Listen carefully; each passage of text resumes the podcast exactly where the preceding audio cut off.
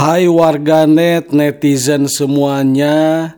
Berjumpa lagi bersama podcast Dunia Hitam. Podcast Dunia Hitam berisikan obrolan tentang dunia kejahatan. Podcast Dunia Hitam mengajak kepada warganet dan netizen semua untuk tahu dan mengerti tentang dunia kejahatan agar kita bisa terhindar dan selamat dari perilaku jahat orang lain.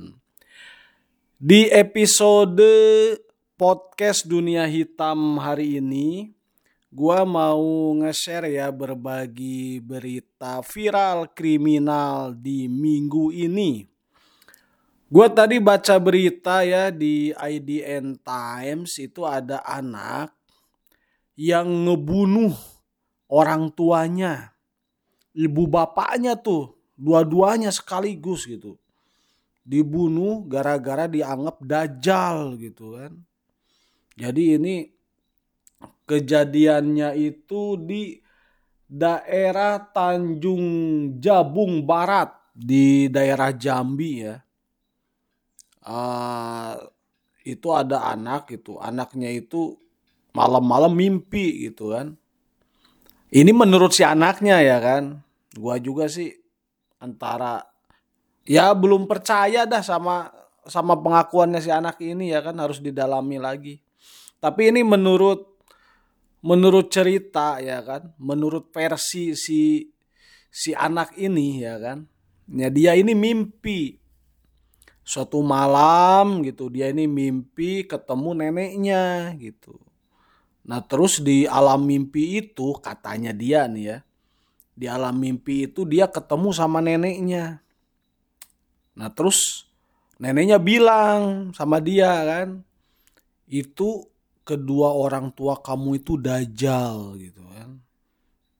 Nah gara-gara mimpi ini katanya dia malam-malam itu bangun ya kan kebangun. Nah terus dia ngedatangin kedua orang tuanya yang lagi tidur. Di kamar ya kan. Didatangin terus eh, bapaknya dibacok tuh di bagian kepalanya kan. Meninggal ya kan. Nah terus ibunya lari ke dapur ya kan. Nah disabat tuh kena di bagian pinggangnya. Meninggal dunia juga kayak gitu ya kan. Nah ini katanya anak ini Ngakunya mimpi kalau orang tuanya dajal katanya. Tapi kalau menurut gua ya kan. Hei Anda ya kan. Anda yang ngebunuh kedua orang tuanya ya kan. Yang dajal itu Anda kalau menurut gua itu. Kamu itu yang dajal ya kan. Kayak gitu. Nah itu. Eh, pas setelah si anak ini ngebunuh. Ngebunuh kedua orang tuanya kan. Dia dia langsung pergi ke rumah pamannya gitu. Nah sama pamannya dia ngaku itu sama pamannya. Bilang om saya habis ngebunuh kedua orang tua saya kayak gitu. Nah ditanyain sama omnya kenapa? Ya karena saya mimpi om. Saya mimpi ketemu nenek, nenek bilang kedua orang tua saya dajal kayak gitu. Nah ini si pamannya itu nggak nggak percaya ya kan, apakah segila ini gitu keponakan saya ini ya kan, kayak gitu. Hmm. Akhirnya si pamannya itu ngubungi anaknya gitu, nge WA ke anaknya. Kamu coba cek itu di rumahnya. Ini si si pelaku ini kan, inisial DN ini kan. Katanya dia sudah ngebunuh ibu bapaknya, kamu cek rumahnya. Nah, Terus pesan WhatsAppnya itu keterima sama, sama, sama anaknya ya kan sepupunya si pelaku ini sekitaran e, besoknya jam 7.30 ya kan. Dilihat itu pagi hari ada pesan WA gitu. Pas dilihat disuruh ngecek rumahnya si pelaku si DN ya kan. Nah pas pagi itu dicek rumahnya kan. Nah itu rumahnya itu rumahnya itu terkunci kan pintu-pintunya terkunci kayak gitu sepi kayak gitu kan nah terus dia lewat eh, masuk lewat lewat ke jendela kan dia masuk lewat ke jendela kan bis kayak gitu dilihat di ruang tengahnya itu nah betul bapaknya si pelaku ini itu dalam keadaan udah tewas kan. Sudah tergeletak, tergeletak di lantai di ruang tengah rumah itu. Dengan bercucuran darah ya kan udah bergelimang darah di situ ya kan. Lukanya di bagian kepala. Terus pas dilihat lagi isi rumah itu kan di bagian dapur, ah itu ibunya udah meninggal dunia juga, udah tewas juga kan ada luka di bagian pinggangnya. Nah, kayak gitu.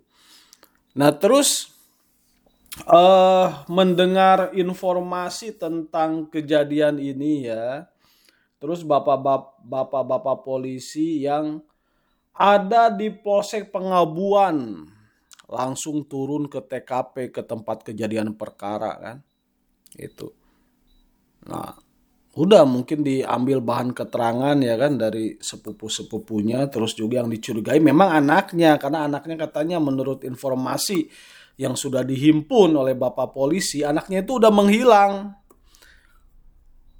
udah menghilang dari semalam gitu kan nah, terus dilakukan pencarian Didapatlah itu si pelakunya itu ada di rumah pamannya, ditangkap ya kan, diamankan, dijadikan tersangka ya. Gitu. Terus di ini dibawa kan diamankan ke Polres ini, apa namanya itu? Ke Polres Tanjung Jabung Barat ya kan. Nah, lakukan pemeriksaan gitu. Nah, terus sama Kapolresnya ditanyain anak ini ya kan dia ditanyain kenapa kamu ngebunuh kedua orang tuamu gitu kan nah dijawab sama anak ini kalau dia mimpi ini kalau orang tuanya itu dajal jadi harus dibunuh kayak gitu kan nah ini kan apa ya pengakuannya aja ya kan? Kayak gitu. Kalau menurut gua ya kan kalau andaikan ya kan andaikan eh, yang diomongin sama si pelaku ini benar gitu. Andaikan benar andaikan si pelaku ini ngomongnya sesuai sama fakta ya kan. Kalau dia memang mimpi terus ketemu neneknya dapat bisikan gaib ya kan dia harus ngebunuh kedua orang tuanya karena kedua orang tuanya dajal ya kan kalau ini benar sesuai fakta yang terjadi, kalau si pelaku ini nggak berbohong, berarti ini anak ini punya penyakit waham. Kayak gitu. Jadi penyakit waham itu penyakit adanya kerusakan pola pikir gitu kan. Pola pikirnya itu nggak sesuai sama fakta. Gara-gara mimpi dia percaya aja dia dapat bisikan ya kan dia harus ngebunuh kedua orang tuanya karena dianggapnya dajal ya kan kayak gitu. Tetapi ini harus didalami lagi. Karena ya gimana kalau anak itu berbohong kayak gitu. Karena sih pernah ada kejadian gitu di daerah Sigidonggala ya kan. Anak eh, ada ini, ada adik yang ngebunuh kakak kandungnya. Gitu. Nah, ini eh, di daerah Sigidonggala ya kan. Ini kakak kandungnya itu habis pulang dari Malaysia ya kan.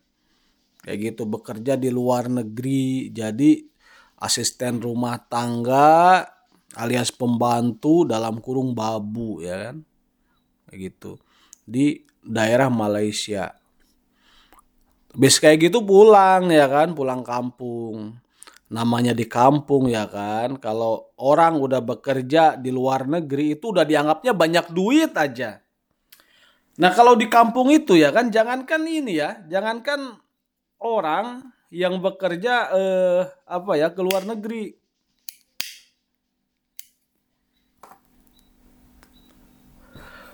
Misalkan ada orang aja, ada orang aja yang bekerja di ibu kota, ini orang kampung ya kan bekerja di ibu kota Jakarta kan.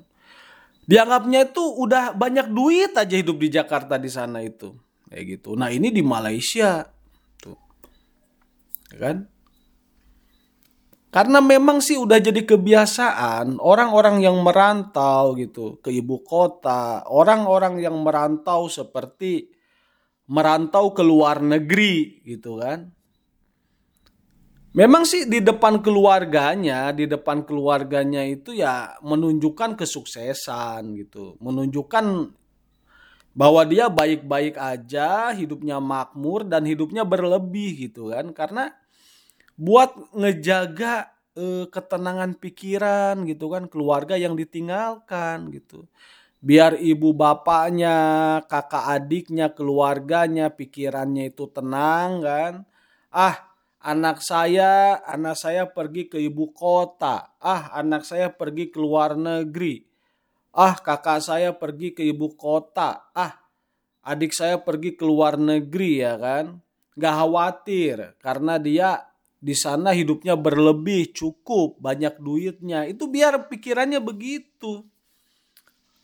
Tapi kan kalau misalkan uh, kita pikir-pikir kan, belum tentu faktanya seperti itu. Ya kan? Dan gak enak lah, gak mungkin lah. Masa sih harus ngomong jujur sesuai faktanya, ntar malah jadi kepikiran gitu kan. Gak mungkin lah seorang pembantu rumah tangga ya kan, asisten rumah tangga yang bekerja di luar negeri misalkan Malaysia. Ini misalkan ya kan, dia jujur ya kan. Ini misal ya kan. Pak mak ya kan? Kakak adik gitu kan? Aduh menderita banget di sana makan hati gitu kan? Di sana mah nggak dianggap manusia gitu kan? Ah tidur aja cuma disiapin di gudang kayak gitu kan? Makannya juga ah, cuman sisa-sisa makanan aja dikasihin ya kan? Kadang dikasihin nasi bener sama lauknya ya kan? Nah diantrinya pakai kaki ya kan digeser gini kan. Ini misal ya kan kan tidak mungkin lah seperti itu ya kan. Pasti bakal diomongin dibicarain yang enak-enak yang sukses-sukses ya kan. Karena biar biar eh, pikirannya itu pikiran orang tua itu tenang pikiran saudara-saudara itu tenang ya kan. Kayak gitu kalau yang udah pasti ya kan, yang pergi ke ibu kota, yang pergi ke luar negeri ya kan. Itu kalau yang udah pasti hidupnya bahagia makmur di sana ya kan. Nah itu pekerjaannya itu tenaga ahli. Kecuali tenaga ahli ya kan. Kalau tenaga ahli ya kan itu kan bekerjanya di perusahaan ternama, di perusahaan Bonafit ya kan Nggak usah lah susah-susah harus meyakinkan sama orang tuanya, sama kakak adiknya kalau dia itu sukses makmur berlimpah harta di sana ya kan. Nggak di ini aja itu, nggak di apa ya nggak diperlihatkan begitu aja. Mereka mau udah paham ya kan? Oh anak saya tenaga ahli Oh, kakak saya, adik saya ini tenaga ahli, bekerja juga bukan di perusahaan kaleng-kaleng, ya kan? Di perusahaan yang bonafit, di perusahaan yang ternama, ya kan? Udah dah, pokoknya lo pergi aja, gitu kan? Pergi aja, gua nggak khawatir. Yang penting jangan lupa pulang. Yang penting ya, ya jangan lupa bawa oleh-oleh ya kan. Kalau bisa mas sekarung. Nah, misalnya kayak gitu ya kan Nah, ini kembali ke cerita ya kan. Nah, itu ada dulu itu, ada dulu orang itu yang mengaku penyakit waham gitu. Nah, dia ngebunuh kakaknya, kakak kandungnya. Kakaknya itu habis pulang dari Malaysia kan jadi asisten rumah tangga gitu. Nah, ini si kakaknya ini udah udah kawin nih. Kakaknya ini udah kawin, udah punya istri, udah punya anak. Nah, cuma rumahnya deketan sama adiknya gitu kan. Masih satu kampung. Nah, terus adiknya itu disuruh sama ibunya gitu. Kamu pergi ke kakak kamu ya kan. Nah, mintain duit gitu buat uh, memperbaiki sendal ibunya gitu. Datanglah adiknya itu. Nah kebetulan nih si kakaknya lagi pusing.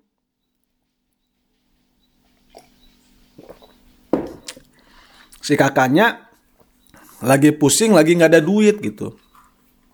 Nah, dibilang lah sama kakaknya itu lagi nggak ada duit. Nah terus adiknya nggak terima itu masa nggak punya duit orang udah dari luar negeri udah dari Malaysia ya kan kayak gitu nah adiknya ngomel-ngomel kayak gitu kan. Nah karena adiknya ngomel-ngomel kakaknya marah. Ada ya adalah keluar kata-kata mutiara ya kan. Kata-kata mutiara yang menyinggung adiknya gitu kan. Kayak gitu. Terus adiknya tuh pulang ke rumah gitu. Pulang ke rumah itu bukannya apa? Ambil golok gitu. Ambil golok terus datang lagi nemui kakaknya ya kan nah terus kakaknya itu dibacok pakai golok ya di depan istri sama anaknya. Anaknya masih kecil. Kakaknya lari keluar itu udah berdarah-darah dikejar gitu kan. Sampai jatuh di di apa pagar pekarangan rumahnya dia pas mau keluar jatuh dihabisi gitu. Orang udah jatuh dihabisi makanya lukanya itu banyak gitu kan. Nah habis kayak gitu si adiknya ini diamankan ditangkap sama pak polisi di di Polres Donggala kan. Ditangkap pas dilakukan pemeriksaan ya kan. Dia ngakunya dapat bisikan gaib tuh. Bisikan gaib ya kan. E, harus ngebunuh kakaknya katanya kayak gitu ya kan. Nah pas sama pak polisi itu dicek faktanya dicek peristiwanya dicek kejadian eh, satu hari dan beberapa dan beberapa hari ke belakang sebelum kejadian pembunuhan ternyata itu ada percekcokan di antara mereka ya kan? Kalau yang dibunuh itu musuhnya ya ini mah bukan waham. Ini berarti emang musuhnya memang ada permusuhan gitu kan? Kayak gitu Nah, begitupun ini ini kejadian yang ada di daerah Jambi ya kan. Nah, ini mudah-mudahan bapak-bapak polisi yang ada di sana ya kan. Mudah-mudahan mereka ini lagi mengecek lagi. Jadi bukan bukan hanya pemeriksaan kepada ahli jiwa ya kan. Bukan hanya si DN si si pelaku ini yang diperiksa kejiwaan tapi harus juga diperiksa fakta dan peristiwanya gitu nah, satu hari atau beberapa hari sebelumnya sebelum sebelum kejadian ini kayak gitu. Bisa aja misalkan dicek HP-nya ya kan, dicek HP-nya siapa tahu di HP itu mungkin ada perselisihan, ada cekcok ya kan. Sama ibu bapaknya mungkin ya si DN ini minta uang buat top up diamond free fire misalkan nggak dikasih ya kan, ngamuk. Atau mungkin aja dia itu dicek dulu ada di HP-nya ada aplikasi micet nggak? Siapa tahu ya kan ini di micetnya ini ya kan dia udah mesen cewek mungkin karena ceweknya udah dangdan udah persiapan udah mau datang eh dia hanya nggak ada duit. Minta ke ibu papanya nggak dikasih ya kan? Harus dibacok. Mungkin gitu kan mungkin aja seperti itu ya kan? Nah Yang jelas mah ya kan, yang jelas mah namanya pelaku, namanya tersangka ya kan, ya dia mah bebas mau ngomong apa ya kan, dia mah mau jujur juga bebas, mau bohong juga bebas gitu kan. Cuman yang menjadi kewajiban dari polisi, dari penyidik itu memeriksa peristiwanya. Ya gitu. Harus diperiksa lagi. Eh mungkin kejadian satu hari ke belakang atau beberapa hari ke belakang ya kan? Biar biar kita tahu gitu. Biar kita tahu ini kalau orang ini berbohong atau jujur gitu. Kalau memang setelah dilakukan pemeriksaan misalkan kan setelah dilakukan pemeriksaan saksi-saksinya diperiksa ya kan terus bukti-bukti yang ada di rumah tempat kejadian itu udah diperiksa. Memang nggak ada itu nggak ada peristiwa percekcokan segala macam. Wah berarti anak ini punya penyakit waham ya kan? Punya gangguan kejiwaan itu harus direhabilitasi ya kan? Kayak gitu. Nah ini ya apa namanya itu dari kejadian ini ya kan? Mudah-mudahan kita semua ya warganet dan netizen semua ya kan. Mudah-mudahan kita bisa mengambil hikmah, kita bisa mengambil pelajaran ya kan? Dari kejadian ini dan mudah-mudahan amit-amit dah kejadian ini tidak pernah dan tidak akan menimpa kita gitu.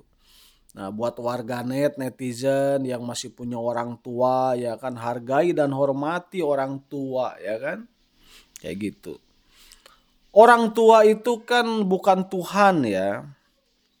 Orang tua itu ya ya pastilah mereka membuat kesalahan ya kan. Membuat dosa ya kan. Ya nama juga manusia ya kan. Nah, tetapi ya kita jangan berlebihan kepada mereka ya kan. Jangan sampai kayak si DN ini, si pelaku ini ngebunuh orang tuanya gitu. Tuh kalau kata-kata Pak Ustadz ya kan, kita ini ngebentak orang tua, bilang ah saja, ngebentak itu udah udah dosa besar ya. Kalau kita ngebentak orang tua, kalau Anda ya kan ngebentak orang tua, Anda itu udah layak dikutuk jadi korek api kriket gitu kan, udah udah wajar gitu kan. Apalagi ini ngebunuh, ngebunuh keduanya ya kan dengan alasan mimpi. Kayak gitu ya kan. Nah, jadi ya kita harus ini harus menghormati menghormati kedua orang tua.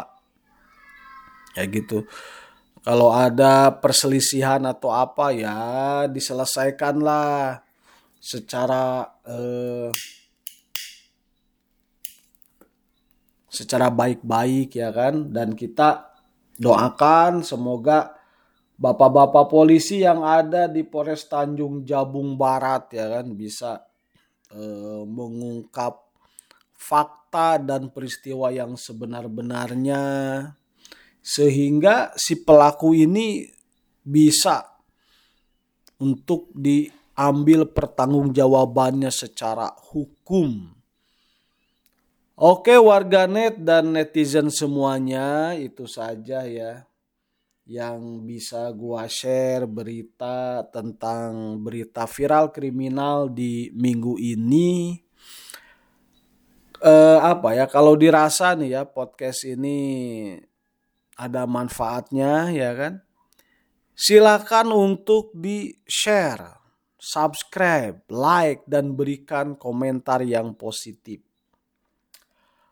Warganet dan netizen semuanya kita akhiri dulu ya kebersamaan kita di episode ini. Kita akan berjumpa kembali di episode-episode berikutnya bersama podcast Dunia Hitam.